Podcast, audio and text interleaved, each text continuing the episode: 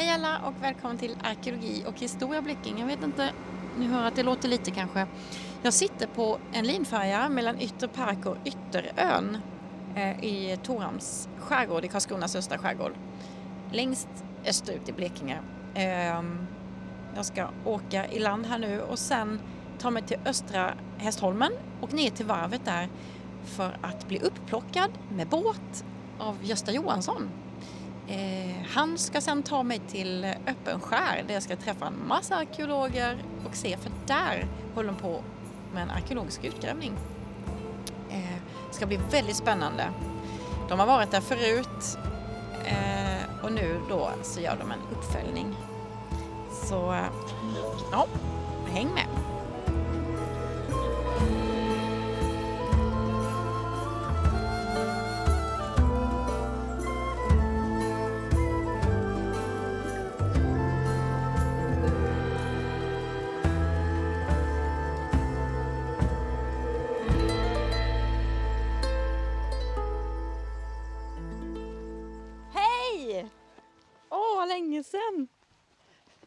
Är det där ute? Ja, det är bra. Det Jag var? håller på för fullt tycker jag. Åh, vilket väder! Idag är det fint. Men Alltså- igår blåste det sydväst så det var lite sjö, det var lite jobbigt. Ja, ja, ja. Ja, underbart. Vad vill du ha mig här? Sitt i mitten. Ja,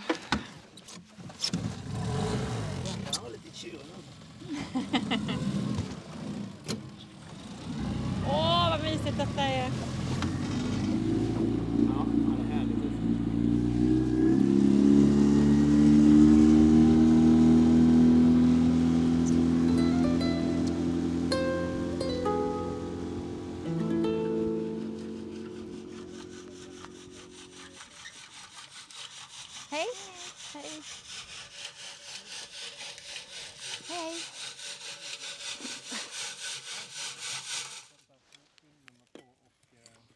Lena! Hej! Ja, här hittar vi ingenting. Ingenting. Nej, inte än, men det är ju rätt skönt. Vad gör ni? Öppenskär tredje säsongen. Fast det är, ju- det är konstigt att kalla det säsongen när det är så pass små insatser. Eh, vi var här 2014 Mm. och 2015. Just Och det. det var ju, det är ju bara ett fåtal dagar vi pratar om då. Mm. Så den här platsen har ju liksom mm, gnagt lite samvetsmässigt liksom att vi måste göra den färdigt på något sätt. Men den, för den som inte vet då. Ja. Vad gjorde ni i säsongerna? Det var 14-15. Ja, men det var dels för att liksom undersöka en fyndsituation som hade uppstått här med, med ett antal föremål som liksom ja, var uppseendeväckande. Här kom ju myntklipp, arabiska.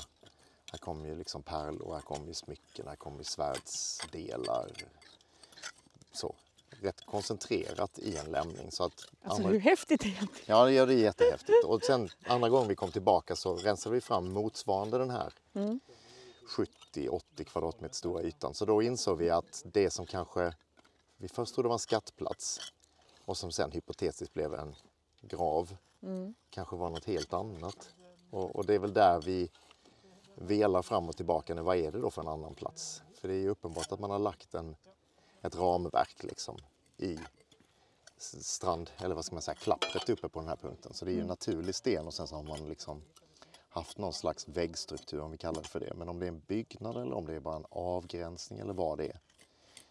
Det är inte lätt att säga. Eh, mynten är ju väldigt fragmenterade. Så den här forskaren Gert Rispling som har tittat på materialet, han säger att det är världens mest fragmenterade vikingatida silverskatt. Det är liksom, ja, verkligen ner på smulnivå. Så den samlade dateringen för formeln som kommer säger ju att det här är en plats som är, ligger 960-tal. Ehm, och då var det ju en liten yta som vi aldrig liksom torvade av 2015. Ja, är det det ni håller på med? Det är det som håller på att rensas eh, framförallt just nu. Ehm, Men det andra har ni varit på nu också eller? ja, det, det, allt har ju legat så det har fått torvas av igen. Ja, just det. Eh, och då har det ju kommit lite myntklipp som detektorfynd ut i det också. Ja. Men det dräller ju liksom lite överallt här, mm. det förstår vi. Eh, Men vad sa du, 900? 60-tal är det väl, mm. Ingrid? Ja, alltså det var ju, var inte så att det var ett, eh, det var ett antal mynt som var ehm, ja, sträckte sig fram till 930-tal någonting. Ja. Och sen så kommer det några imitationer, det är islamiska mynt alltså som kommer från kalifatet upp hit till Östersjöområdet. Och sen så finns det också några eh, imitationer av islamiska mynt och de kunde den här Gert Rispling som är myntexpert datera till 900, vad var det, 40-50 någonting Ja. sånt där. Så de är lite senare. Men det ligger där i mitten, mitten på 900-talet de här fynden. Då. Ja. Gud vad häftigt. Men du Micke, jag måste bara fråga. Ja. Här då, om vi skulle backa till då när det var. Hur, Ja. hur såg det ut i östra skärgården här? Ehm, ja, alltså du får ju tänka dig lite högre vattenstånd så att det är klart att här har nog varit ungefär lika farbart då som nu, tänker jag mig.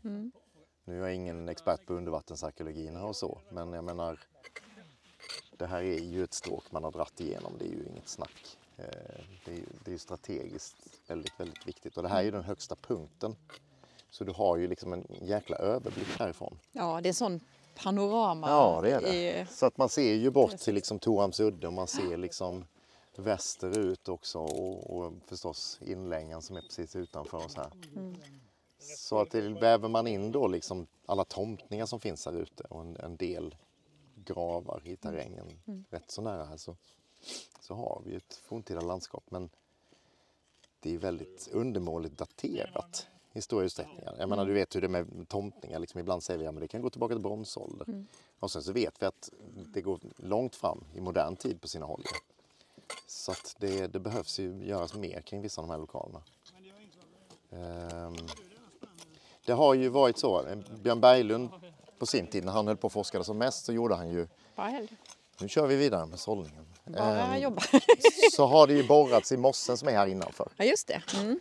Eh, Så att platsen är ju anspråktagen redan under, kanske till och med före romersk järnålder. Men då är det förmodligen inte fast bosättning utan det är väl betesdrift och sånt. Det blir liksom det där tidlösa skärgårdslandskapet som man använder lite, lite efter, efter behov och behag liksom, under säsongerna. Eh, Men vi, har ju liksom, vi vet ju inte vad de vikingatida bosättningarna är. Ju liksom. Så att där är ju liksom allt, allt nytt vi kan få är ju användbart.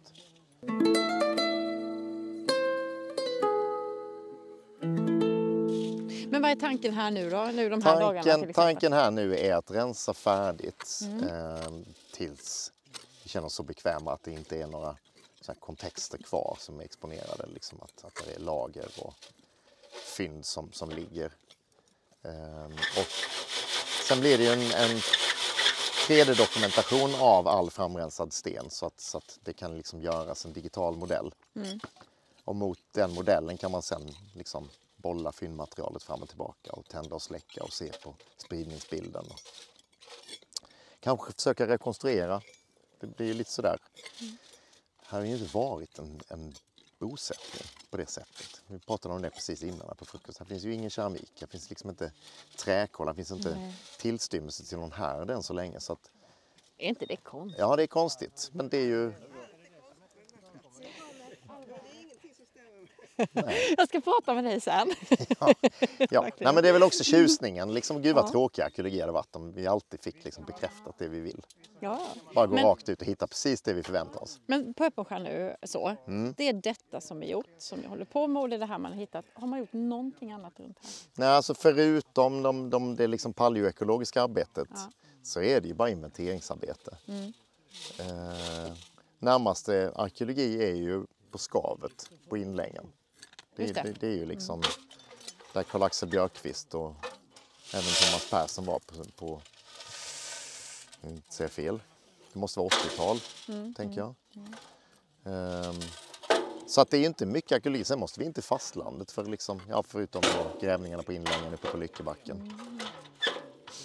Så att det är ju det där vanliga. Vi förlitar oss på enstaka fynd ute i skärgården. Och ofta är det liksom bling-bling liksom som är häftigt. Men det säger ju inte så väldigt mycket om helhetsbilden. Men detta, detta blir väldigt... eh, Ja, Det är coolt. Ja, och sen så är det verkligen en plats som inte är så tillgänglig heller. Så att vi liksom luftlandsätter ett projekt här, Mm. sopar rent efter oss och försvinner igen. Så att vi måste ju liksom göra, göra någonting riktigt, riktigt bra av det. Ja, och när du säger att göra någonting bra, vad, vad är det? Ja, alltså mm, på något sätt måste vi ju utmana digitalarkeologin och göra någonting riktigt, riktigt bra.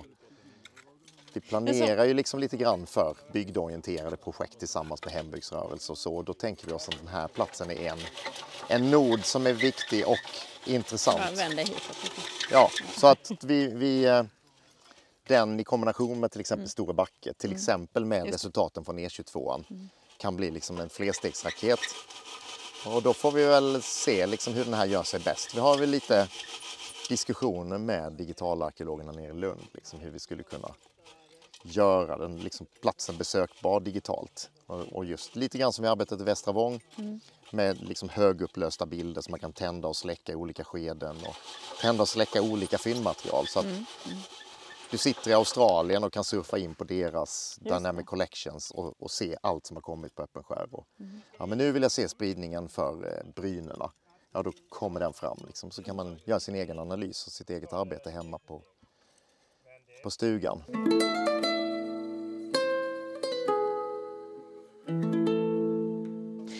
Det till här ute när ni är på plats nu? När ni, så gräver ni och Ja. samlar ihop jord och så i en Ja. sån här, och så sållar man. Det sållas ju för att vi inte ska missa något, men vi försöker ju hitta det redan med handrensningen. Och om man gör det så markerar Så man markeras det, det prickas in så det blir liksom hamnar på en digital plan i slutändan.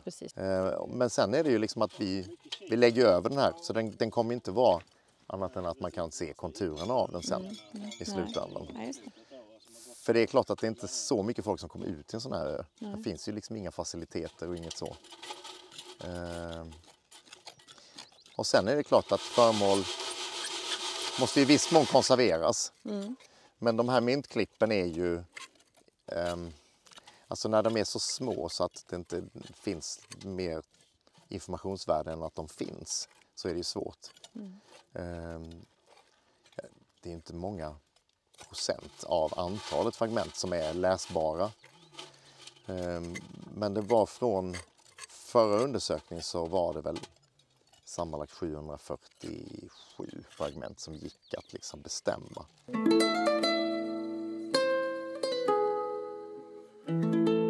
Vad betyder den här platsen för, för vår arkeologi? Sådär? Ja, alltså, jag, vi har ju inte liksom riktigt använt den än. Nej, det är mest ett frågetecken Ja, men alltså, och det är väl generellt med Blekingearkeologin och Blekings järnåldersarkeologi att, Ja.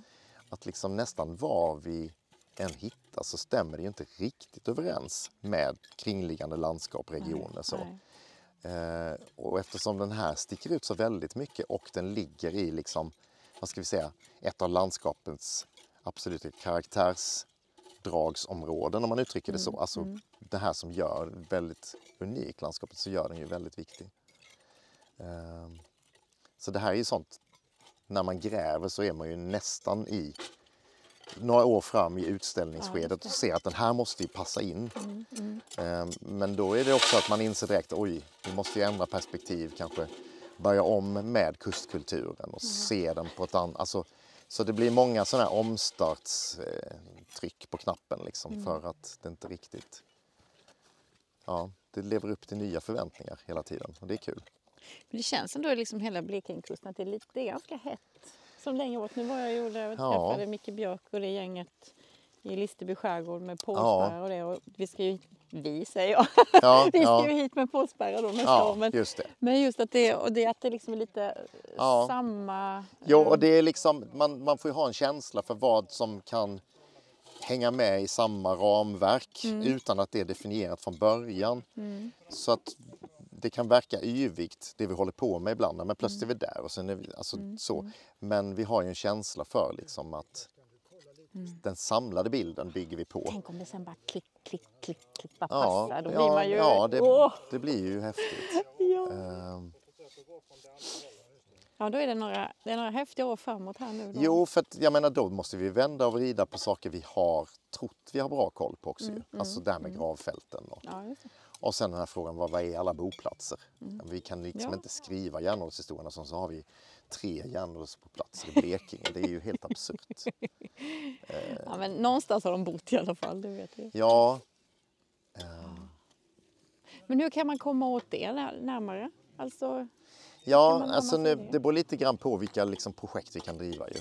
Och eh, jag menar ren inventering kan man ju komma långt med. Mm. Eh, det är också så med, med liksom tekniska möjligheter idag. Jag menar vi, har mycket, vi kan göra mycket metalldetektering. Mm. Det har vi inte gjort förr. nej, nej. Och Ja, nu just är det liksom, jag menar, allt sån geofysik, liksom icke-förstörande prospekteringar med georadar och allt sånt. Mm. Så har vi bara liksom ramat in någon slags målbild, vilket område, så finns det ju ett helt batteri med olika Mm, metoder vi kan liksom använda oss av. Så att det gäller ju bara att hitta finansieringar.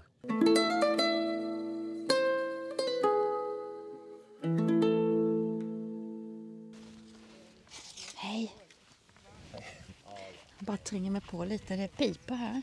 Ja, detta är förmodligen små, små silverklipp. Det är omöjligt att se för Hur små kan den ta? Liksom? Oj. Ja, den tar ju jättesmått. Eh, Bara man kommer tillräckligt nära. Där. Jo, den är nog där. Gud vad spännande. Så man behöver verkligen en sån här, för de ramlar ju igenom i sållet så små är de. Ja, det förstår jag. Hur många pip har det varit idag? Eller de här dagarna? Igår, jag var med igår också, ja, jag vet inte, vi hittade nog sex, ja, 50, 60, 70 sådana här. Som sagt väldigt, väldigt små. Wow. Så det blev väl knappt ett mynt tillsammans kanske. Frågan är ju varför det är så sönderklippt så smått. Ja, det är jättekonstigt. Du hittar inget? Ja, Får jag känna?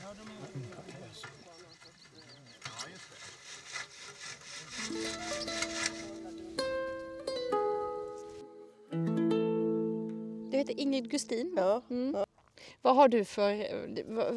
min bakgrund. Varför är du bra att ha här så att säga? Jo, men dels har jag hållit på rätt mycket med, eh, med handel och mynt och så. Och sen så fick jag, pratade jag rätt mycket med Björn Nilsson och Mikael efter första grävningen och första Mm. rapporten, de, eller rapporten de skrev eh, på de här 2014 och 2015. Och så var jag med ett litet hörn på de, på de rapporterna. Mm. Och sen har jag skrivit en artikel i Ale också om, om eh, just öppenskärsgrävningen och resultaten härifrån och så och försökte spåna lite om, om vad det kan vara för någonting. För att det är så, det är så märklig fyndsammansättning och det är så märklig, det stämmer liksom inte med någonting. Och likadant liksom, eh, ytan här, det, är, eh, stämmer inte riktigt med en grav för vi har ju inga, inget benmaterial och fynden stämmer inte riktigt med gravfynd. Och sen stämmer det inte heller med en huslämning för vi har inte eh, något, några träkolsrester eller någonting sånt från här där och vi har inte något ben, liksom hus, hushållssopor kan man säga då. Eh, som, som djurbensbrända djurbensmaterial eller någonting sånt där. Och ingen keramik som det brukar vara i hus. Så det, liksom stämmer inte. Det stämmer nej, inte. nej. Men vad då du som ändå har hållit på att filosofera över Ja. detta då? Vad har, Nej, jag, jag kan inte riktigt. Det, det finns liksom ingenting riktigt som man kan, eh, kan, kan jämföra med, höll jag på att säga. Så, eh, ja, så, så den tredje, vad ska man säga, linjen om, om man, man kan tänka sig eh, någon konstig variant på, på grav, man skulle kunna tänka sig någon jättekonstig variant på en huskonstruktion och den tredje är ju eh, linjen som man skulle kunna gå i då att det har något, mer något rituellt mm. med, med något, någonting som, som har föregått i skärgårdsmiljöer eller så. så det är liksom, ja, det, men vil- vilket av de här då som, som eh, man ska landa i till slut, det vet jag faktiskt inte.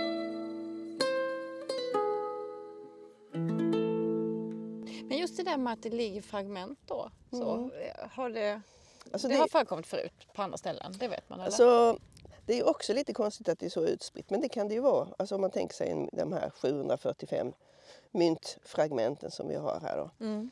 Att det har, om, om, som man har resonerat om, att det är djur som har gått eller har betat och Ja, det. att det har Ja, legat så ja. ytligt liksom, och att det har rörts om och att det har eh, varit lite markarbeten och jag vet inte vad. Då kan vi- man ju få den här lilla, att det sprider ut sig då. Mm. Men myntskatter brukar ju ofta, mm, om man ska plocka upp dem igen, och tänker sig det, då lägger man ju ner dem i en eh, metall, ett metallkärl eller i en eh, keramikkärl eller i någon typ av läderhölje eller Mm, någonting sånt där. Men här är det ju, har vi inte sett någonting i den stilen. Så det, ja, så det stämmer ju inte riktigt där heller med, med den typen av skattfynd. Det blir jättekonstigt. Ja. Och sen är det ju det där att det är så himla fragmenterat också. Att Ja. det är liksom det mest fragmenterade man har hittat i Sverige. Det är, ju- Ja, för det är väldigt små ja, bitar en del. ja. ja. Och det, det kan inte vara av sig självt väl? Nej, det är det ju inte. Utan, eh, alltså det fanns ju ingen inhemsk myntning då på vikingatiden som vi pratar om. Utan man importerade silver från... Ja, det cirkulerade jättemycket silver från kalifatet i Östersjöområdet. För där, I kalifatet hade man väldigt eh, god silverkvalitet och pålitliga mynt och man Mm. hade handelskontakter neråt längs ut med de eh, ryska floderna och så. Och det kom upp mängder med silver i- till Östersjöområdet. Och Gotland är ju jättevälkänt då för sina silverskatter och för, för alla de här islamiska mynten som, som har eh, grävts ner. Och där grävdes det ju ner invid husgrunder. Det har man ju kunnat konstatera att de medeltida husen, nästan varenda ett liksom av dem ja, som går ner i vikingatid också. Där finns det en skatt. Så varje hus har haft sin skatt. Liksom. Så, jo, men som en liten depå med ett litet bankfack där i hörnet på Är det så? Ja. Och sen så, så resonerar man ju lite om också om är det, är det liksom bankfack eller är det någon sorts sån här eh, att man varje hus skulle ha liksom sin eh, att det hade någon betydelse för marken och för eh, att man skulle ha med sig något till eftervärlden. Och att, ja, det, fin- det finns lite sådana indikationer också i skriftliga källor. Och så. Så, Men, men, ja, men man vet inte, man vet inte hundraprocentigt där heller. Nej. Så det är därför man tänker, eh, när man tänker myntskatter så tänker man en fyrkantig anläggning som här. Och så, Ja, så, så börjar man ju fundera lite så igen då på det här med husgrunder och så. Ja. Men sen så är det ju de andra fynden då som inte alls stämmer med, med husmaterialet. Eller med hur, tanken på hus och så. Nej, just det. Det är jätte... ja, så det, är, det är jättemärkligt. Jo, Ja. men, men det där med, med silvret då, då kommer det upp de här mynten från, från det islamiska området. Och sen i och med att det blev mer och mer handel, att man hade silver Mm. som var jättebra som betalningsmedel för att man, det är oförstör, ett oförstörbart material och det är litet och det har högt värde i förhållande till volym så att säga. Så det är lätt att, att ha med sig. Så börjar man då klippa i det där då, eh, och väga upp det och så. Mm. Och ju intensivare handel kan man säga, ju mindre klipp har det blivit. Så Birka där jag har jobbat innan då, så där har de då liksom en tiondels mynt och sånt här. Då. Men här är det ju nästan nere på ännu mindre Mm. bitar så att säga. Men, Ja. men är det... Ja, så, så att det här skulle kunna vara... Eller att man har klippt dem för handel? Ja, någon, ja det, alltså, det är det första man tänker på i alla fall. Mm. Men då skulle de ju nästan kommit in utifrån för att så fragmenterat material är det inte någon annanstans i Sverige. Nej. Utan då tänker man kanske på, på andra sidan Östersjön ner mot eh, västslaviska området eller någonting sånt där ner mot Polen, dagens Polen. Där någonting. Mm. För där, där, vid den här tiden, mitten på 900-talet, så där var det rätt fragmenterat eh, när det gäller islamiska mynt och så. Men de, det har jag inte, jag har inte Åh, riktigt luskat på detta än men, men det, finns liksom, det kan finnas någon koppling neråt. Mm.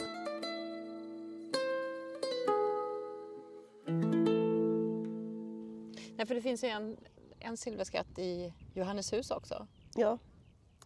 Och den, den har jag tittat lite närmare på. Den är mer typisk. Höll jag på att säga. Nu vet man inte exakt var den hittades. Nej. Så om den kan knytas till någon husgrund eller inte, det, det är oklart. Men liksom föremålsuppsättningen, att det kommer en massa fragmenterade smycken och så kommer det den här 4000 mynt eller vad det är för någonting och så. Den är ju gigantisk, även med svenska mått mätt. Mm. Men den liksom mer, eh, stämmer mer med, med den gängse bilden av, av, eh, av silverskatt och handelsmaterial. Ja, Ja, ja, ja. Men som du sa nu på Gotland då där det finns Mm. vällt mycket. Eh, är, de, är de stora liksom? Eller vad, vad, vad säger de här två? Är, är det ändå litet det som är här i förhållande? Till Gotland. Ja. Nej, men Gotland är så exceptionellt. Det finns ju inget annat ställe i världen som Nej. har så. så att, Ja, ja, vi glömmer Gotland. så ja, Gotland sticker liksom ut. Gotland är, Mm. eh, och det är ju också märkligt. Alltså, att man har haft ett stort inflöde med silvermynt, det är ju Mm. helt klart. Liksom, och det finns mycket andra silverföremål och så från Gotland också under vikingatiden. En, en teori är att det liksom har, man har inte omsatt det utan man har, liksom, man har inte använt mynt så mycket kanske på Gotland. Nej, utan det har liksom just det. Det har mer fastnat där. Ja, precis. Ja. Och att på ställen där man handlade mer Mm. är en teori. Där har det också försvunnit igen. Ja, just det. Just det.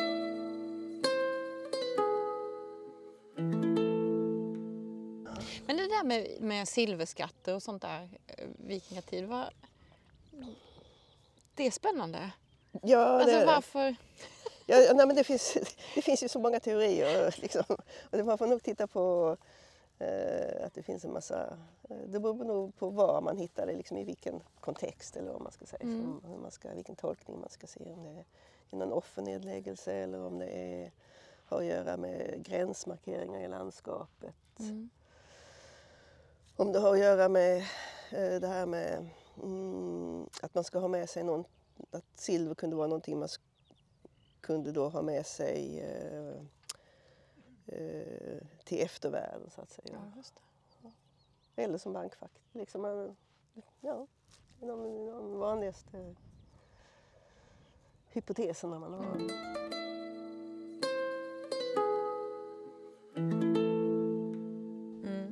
Men vad är det man har hittat här? Nu är vi ju på öppen skär. Ja. jo men det är de här eh, 745 var det ju my- myntklippen då som är så Mm. himla små och där nästan alla är, är eh, islamiska då. Mm. Hur, och hur vet man det? Jo, för att man kan ju se, det är ju islamisk skrift på, på de här mynten. Ja. och, och det finns en numismatiker i Sverige som är eh, fenomenalt duktig på att läsa de här mynten och som också kan med hjälp av ett litet, litet klipp eh, avgöra eh, vilket år mynten var präglade. Hur? Jo, för det, de här, dels så står kalifens namn har jag för mig på det och sen så eh, den här omskriften ändras lite från år, den här texten ändras lite från, från år till år. Mm. Och han har byggt upp ett gigantiskt kartotek över mynt så han kan gå in liksom även på ett litet, litet sån här, en, en, eh, femtedels eller en tiondels mynt kanske i bästa fall och hitta vilket år på det viset. Mm. Men vad tittar han på då? Ja, då tittar han på texten kanske och kalifens, som är en del av kalifens namn kvar. Och, och sen så han, kan han då se från, från hela mynt då, där det står vilket år. Mm. Så kan han liksom härleda tillbaks klippen till hur ser de hela mynten ut? Passar det här med något annat jag känner till? Och så, så lyckas han. Det det är ett superdetektivarbete. Men om man då jämför de här mynten med de då senare, de här tyska och, Mm. eh, i Johanneshus. Mm. Vad, vad tyder den skillnaden på?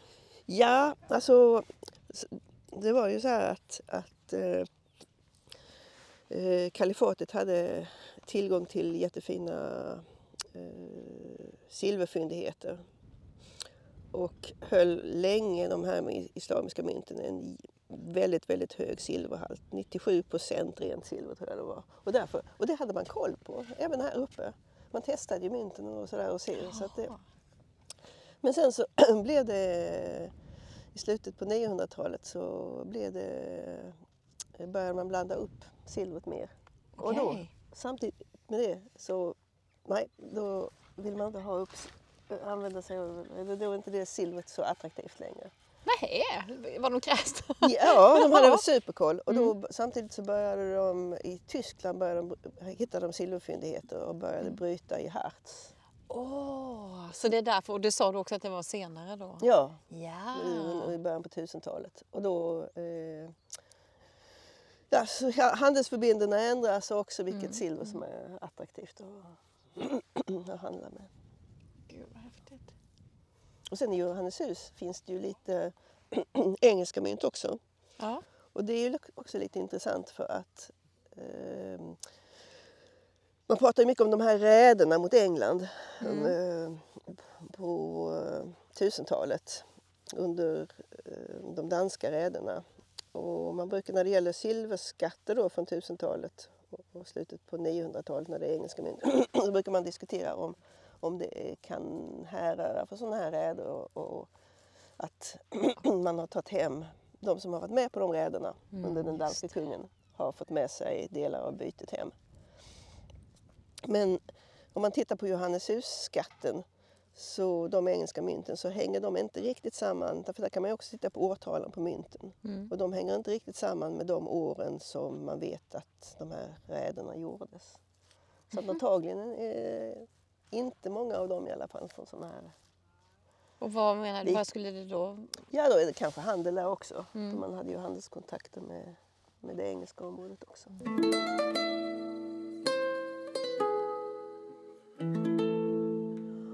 Ja, spännande. Jag vet inte, finns det något mer som man som jag inte vet som borde... Nej, nej men det, som är, det som är så superintressant med den här platsen är ju att det inte stämmer med något. Nej. att det inte, ja, att det inte riktigt, stämmer inte riktigt med husgrund, stämmer inte riktigt med grav. Mm. Nej. Men hur går man vidare då när man håller... Alltså, Ja. vad blir det? Blir det liksom stopp där eller hur? Nej, man får väl försöka dels titta lite mer nu när vi har eh, dokumenterat den här delen också av anläggningen eller vad man ska Mm, säga. Titta mm. lite närmare på det här med, med hur det stämmer med en grav till exempel. Då. Men då, även om vi inte hittar några, för det finns ju, det finns ju faktiskt gravar som utan, från vikingatid, utan eh, vad heter det, skelettmaterial eller utan brandgrav. Mm. Alltså to- tomma gravar men du har föremål Mm. och du har liksom gra- gravöverbyggnaden och så. Men vad är det då? Om man Ja, inte vad är det? Eller är det att, Ja, att de faktiskt har dött på resa? Ja, det så tänker jag. Så tänker jag mig. Ja. Att, att, eh, det Alltså vara... det, när, vi säger, när du säger det så. Ja. Detta, verkligen, den ligger ju mitt i den här skärgården. Ja, Det, fast, fast materialet stämmer ju inte helt med en grav heller. Va? Så att, så att, du, du har det, det här jag tyckte ändå att det... Ja, jo precis. Alltså, Mm. det är delar som, som, som, som liksom skulle kunna mm, stämma med det. Men, men andra delar gör ju inte det. Så att, ja. Men om det skulle varit en gravgrav, vad är det som saknas sa vi då? Nej, men det är nä- nästan för mycket grejer höll jag på att säga. Alltså, du, där, är, där är grejer som, är, som skulle kunna vara som en sån här tom grav. Du har det här Mm. delarna till ett svärd, för du kan ha svärd i gravar. Mm. Du har eh, några ringspännen, ja det skulle också kunna vara en grav. Du har några pilspetsar, två tror jag. Ja, det skulle också kunna vara en grav. Men så har du alla de här konstiga brynorna då, 20 stycken eller vi har mer än det nu. Mm. Det har jag aldrig varit med om i... i det brukar vara ett, ett bryne hittar man, men inte 20 liksom. Det kanske är en stor båt som har förlist. Ja, De är saknade. De har Ja. fått en var. ja, det är... Ja, vad konstigt. Spännande.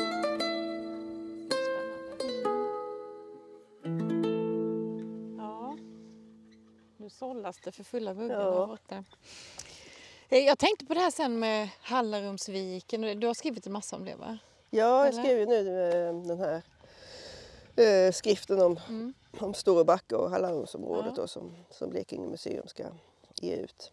Just det. Det, alltså, alltså man tänker när man sitter här och tittar ut också, det har ju att göra med, med de här segellederna som har gått, Mm. gått förbi här. Och, eh, det, det fanns ju den här segelleden som, heter, som man känner till från, i alla fall från skriftliga källor från, från medeltid. och- Som heter Kung Valdemars segelled som man vet gick från Utlängan och sen så hela vägen upp längs Sve, Sveakusten och sen så över mot Åland och sen så längs den finska viken och sen så till eh, Tallinn som slutdestination.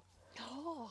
Och det var ju, ja, och, det, och den tror man ju har mycket äldre anor än så liksom. Mm. Och går tillbaka kanske till och med till bronsåldern, det hävdar en del. Mm. Så att, och jag tänker man ju under vikingatid då när man verkligen kom igång med det här med, med sjöfart och, och segel och var eh, fenomenalt duktiga på, på att ta sig med, med skepp. Mm. Att man har, man har, eh, vad heter det, eh, ja de här förbindelserna fanns. Och jag tänker mig att, att längs hela Blekingekusten så Men vad sa du? Sa du inlä- utlängaren? Inlängaren? Ja, alltså, eh, no, några, några ställen står det utlängaren och några står det inlängaren. Men jag tror jag har för mig att det är utlängaren som För är... utlängaren, om du Är, är det det som det är ligger där? med jättemycket skor på. Ja. Där ligger utlängaren. Wow! vad Så att coolt. jag menar, de gick ju förbi här. Ja, Alltså, ja, ja. Ja, För jag har hört sådär när man har läst eller så att, att de ofta fick, fick ankra någonstans. Det, Mm. Utklippan är en sak. Utklippan ligger ju precis rakt så Mm. och väntar på vindar och så. Ja. Så att det har liksom blivit att man har blivit fast här lite och därför också kanske börjat handla. Man har varit tvungen att hämta lite proviant och så innan man kan gå. ja. Ehm, Så, så har det det- säkert varit ja. längs många. Och en del hävdar ju att, det har varit, att de här ställena har... Alltså i den här kung Valdemars segelledsberättelsen så finns det ett antal liksom, dagsetapper så, va? mm. eh, omnämnda. Så har, liksom, längs hela den här rutten då till Tallinn har det funnits punkter. Och en del tror ju att det är lo- lotsstationer. Va? För Ja! att hur, skulle man, alltså, hur ska man hitta Mm. om du kommer från eh, Själland ja, och ska upp till mot. hur, hur ska du hitta liksom? Det måste ju vara, bygga på lokalkännedom. Och, Ja, också som du säger att man måste, någonstans måste man ju proviantera. Och så. Ja. Ah, vad häftigt! Åh, vad spännande det är. Nej, för jag tänkte egentligen så skulle vi göra så här att när det är dags att släppa den där boken så ses du och jag igen och så kan man prata lite mer kanske Om, om, Hallå, ja, när det kan man göra. Mm. Så, eh, så blir det en cliffhanger för alla som lyssnar. ja. Nej, men jag tyckte det var Nej, för- bara viktigt att komma ut här idag när ni Ja. höll på och prata lite Jo. om... Det, det är helt annorlunda när man ser det här också. Jag har ju mest suttit vid skrivbordet och Ja. försökt att lägga pussel höll jag på att säga. Men, men det är en helt annan sak när man Mm. verkligen kan se liksom, eh, avstånden. Och, och, ja, Ja, miljön. ja, det är jätte, jättehäftigt. Eh, Jag tackar nog där. Så Mm. får vi se vad vi kan få ihop. Ja, det är ja. jätte, jättemysiga, alltså mysiga men det här att berätta historien liksom lite. Även om man inte kommer fram till något konkret så... ehm, Nej men det är ju verkligen så att man, mm, det sätter igång, alltså man sätter ju verkligen igång ens fantasi. Liksom, Ja, eller så, ja. för att det, det, är så, det finns så många möjligheter här. Så. Kommer du jobba vidare med det här på något vis? Eller? Kanske gör jag det. Mm. Och när du säger kanske, vad, Ja. vad kan vi förvänta Nej, oss?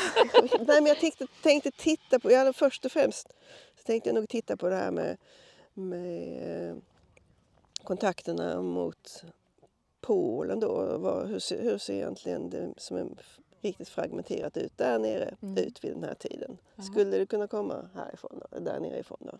För att man hade kontakter med, med västslaverna och så, det vet vi från andra. Mm, mm. Men riktigt exakt hur myntmaterialet där nere ser ut det kan inte jag. Så att det ska jag kolla lite på. Mm. Och sen så har vi lämnat in några av de här smul, de här 2500 smulorna som kom också eh, till eh, och bett någon på Lunds universitet analysera lite och se eh, om någon kan se vad de har utsatts för. För att de är Mm. så eh, de är lite brun, lite för bruna för mm, när man tänker sig eh, silver. Det brukar ju bli svart när det Ja. oxiderar lite så. Men, men, men det här att det, att det ser lite, nästan lite järn eller bränt ut eller så. Så där har vi bett någon att kolla lite på det. Då. Mm. Får vi se om de kan lyckas få fram någonting. När får man veta allt detta och när är du klar med ditt? Ja, det, Vad spännande! ja, Ja. ja. Vi får återkomma Ja, helt enkelt. Jag, ska, jag kommer höra av mig ibland och se hur det går. ja. Mm. Nej, men kom, kommer det någonting så blir det väl en artikel Mm. Jättespännande. Tack snälla Mm. för att jag fick eh, in från sång.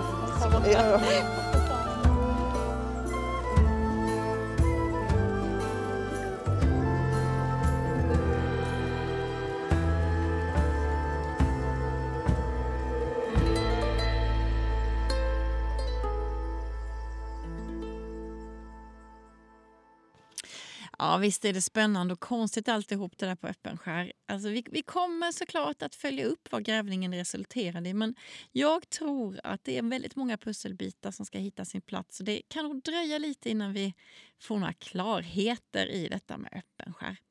Och lite längre fram så kommer jag också att träffa Ingrid Gustin igen och prata om det här med Hallarumsviken och Stora Backe. Eh, museet släpper ju en bok här framöver som hon har skrivit. Ehm, I det här avsnittet så hörde ni också Mikael Henriksson från Blekinge museum. Och detta blev ett, ja, vad ska jag säga, ett litet spontant och inklämt avsnitt. Micke han eh, hörde av sig till mig och sa att nu är vi på öppen skär så jag kastade mig ut lite kvickt. Eh, men det är så att jag vill ogärna sitta på en massa avsnitt och massa material. Det är bättre det kommer ut till er och att ni får höra vad det är som händer lite mer i realtid. Så det var ett sånt avsnitt som inte riktigt var planerat. Eh, på torsdag så bandas då äntligen och förhoppningsvis nästa avsnitt av podden. Och då kommer jag att tillsammans med byggnadsantikvarie Ivar Vänster och Fredrik Lindström att besöka Lindströmska gården i Karlskrona. Ett byggnadsminne som bär på namnet efter släkten Lindström. Och ja, det är den Fredrik alltså. Avsnittet släpps så fort det är redigerat och klart. Eh, torsdag, fredag, lördag. Eh, vi ser. Eh, det här avsnittet är som alla andra ett samarbete och eh, får bidrag från Länsstyrelsen i Blekinge. Men också Blekinge museum genom Mikael Henriksson och Lunds universitet genom Ingrid Gustin. Och som vanligt, glöm inte att sprida podden. Dela, dela, dela. Och försök snälla ni att ge er ut, ni som kan, ut i vårt kulturlandskap och sök de här miljöerna. Det är viktigt att vi månar om vår gemensamma historia för det är faktiskt inte en självklarhet att de finns kvar för evigt. Och ja, återigen, Tack snälla för att ni har lyssnat.